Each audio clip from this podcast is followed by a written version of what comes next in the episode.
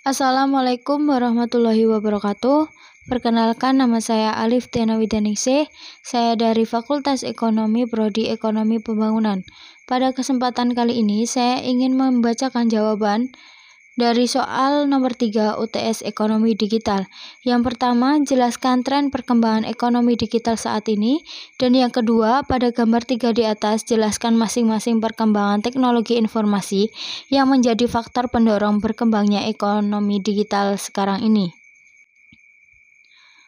Langsung saja yang pertama, Sektor industri yang berkembang seiring dengan perkembangan teknologi tentunya membawa dampak pada perekonomian suatu negara dan membawa masyarakat memasuki era ekonomi digital. Memasuki revolusi industri 4.0, teknologi digital menjadi salah satu modal utama yang dibutuhkan oleh para pelaku industri untuk mengembangkan lini usaha mereka. Kehadiran industri 4.0 pun menjadi bukti bahwa saat ini perkembangan industri tidak dapat terlepas dari perkembangan teknologi. Pada saat ini, COVID-19 memberikan dampak yang sangat kasat mata. Beberapa sektor bisnis memang sangat terpukul, misalnya online travel. Namun dari sana pula kita bisa melihat bagaimana penyelenggara layanan digital mampu beradaptasi dengan cepat.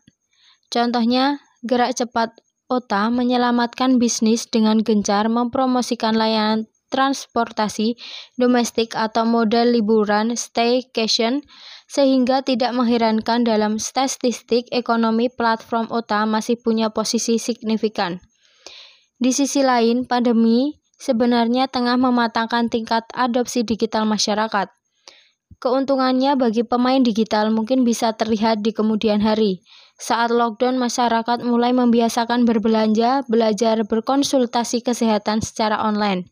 Bisa jadi ini akan menjadi kebiasaan-kebiasaan baru yang sifatnya seterusnya, apalagi jika platform mampu mengakomodasi kebutuhan tersebut dengan baik, sehingga membawakan kesan yang lebih menyenangkan di kemudian hari.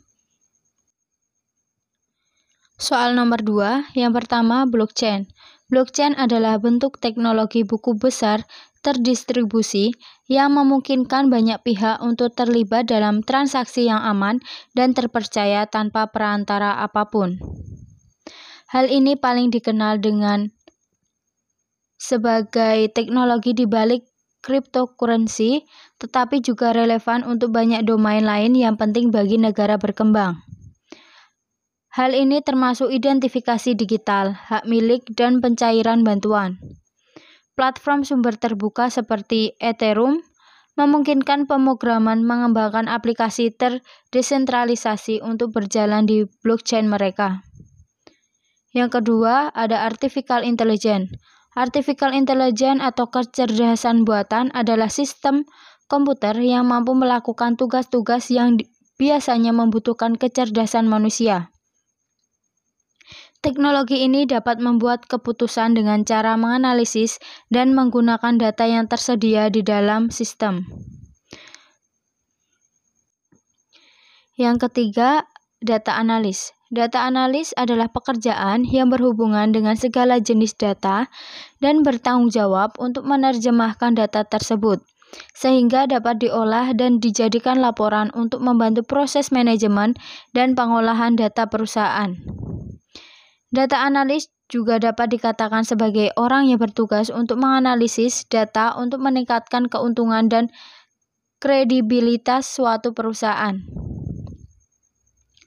Yang keempat ada 3D printing.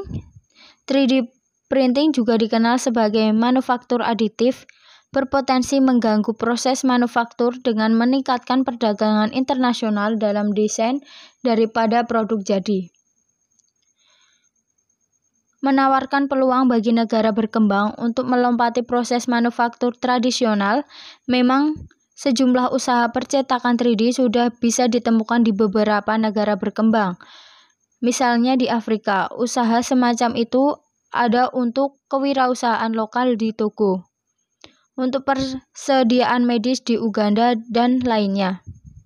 Yang kelima ada Internet of Things, Internet of Things mengacu pada beberapa perangkat yang terhubung ke internet seperti sensor, meter, chip, identifikasi frekuensi radio, dan gadget. Hal ini memiliki aplikasi yang luas termasuk dalam meter energi untuk penandaan RFID barang untuk manufaktur, ternak, dan logistik untuk memantau kondisi tanah dan cuaca di pertanian dan untuk perangkat yang dapat dikenakan. Yang nomor 6 ada Automation and Robotic. Teknologi otomasi dan robotika semakin banyak digunakan di bidang manufaktur yang dapat berdampak signifikan pada ketenaga kerjaan. Ada kekhawatiran bahwa teknologi tersebut dapat membatasi ruang lingkup bagi negara berkembang untuk mengadopsi manufaktur yang dipimpin ekspor sebagai jalan menuju industrialisasi. Dan bahwa ekonomi yang lebih maju mungkin semakin banyak menggunakan robot untuk memperbaiki pekerjaan manufaktur. Yang ketujuh ada cloud computing.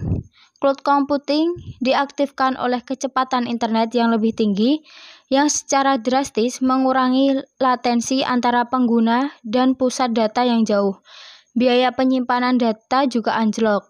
Cloud mengubah model bisnis karena mengurangi kebutuhan akan keahlian TI internal, menawarkan fleksibilitas untuk penangkalan serta peluncuran dan pemeliharaan aplikasi yang konsisten.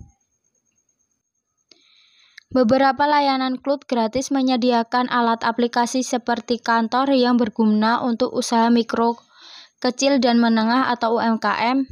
Hal ini sangat berguna untuk negara-negara di mana biaya perangkat lunak berlisensi dapat menjadi penghalang untuk membuat aplikasi dan menyediakan layanan. Namun, di banyak negara berkembang, biaya tinggi bandwidth internasional tambahan untuk mengakses server dan pusat data luar negeri masih membatasi penggunaan layanan cloud. Terima kasih. Wassalamualaikum warahmatullahi wabarakatuh.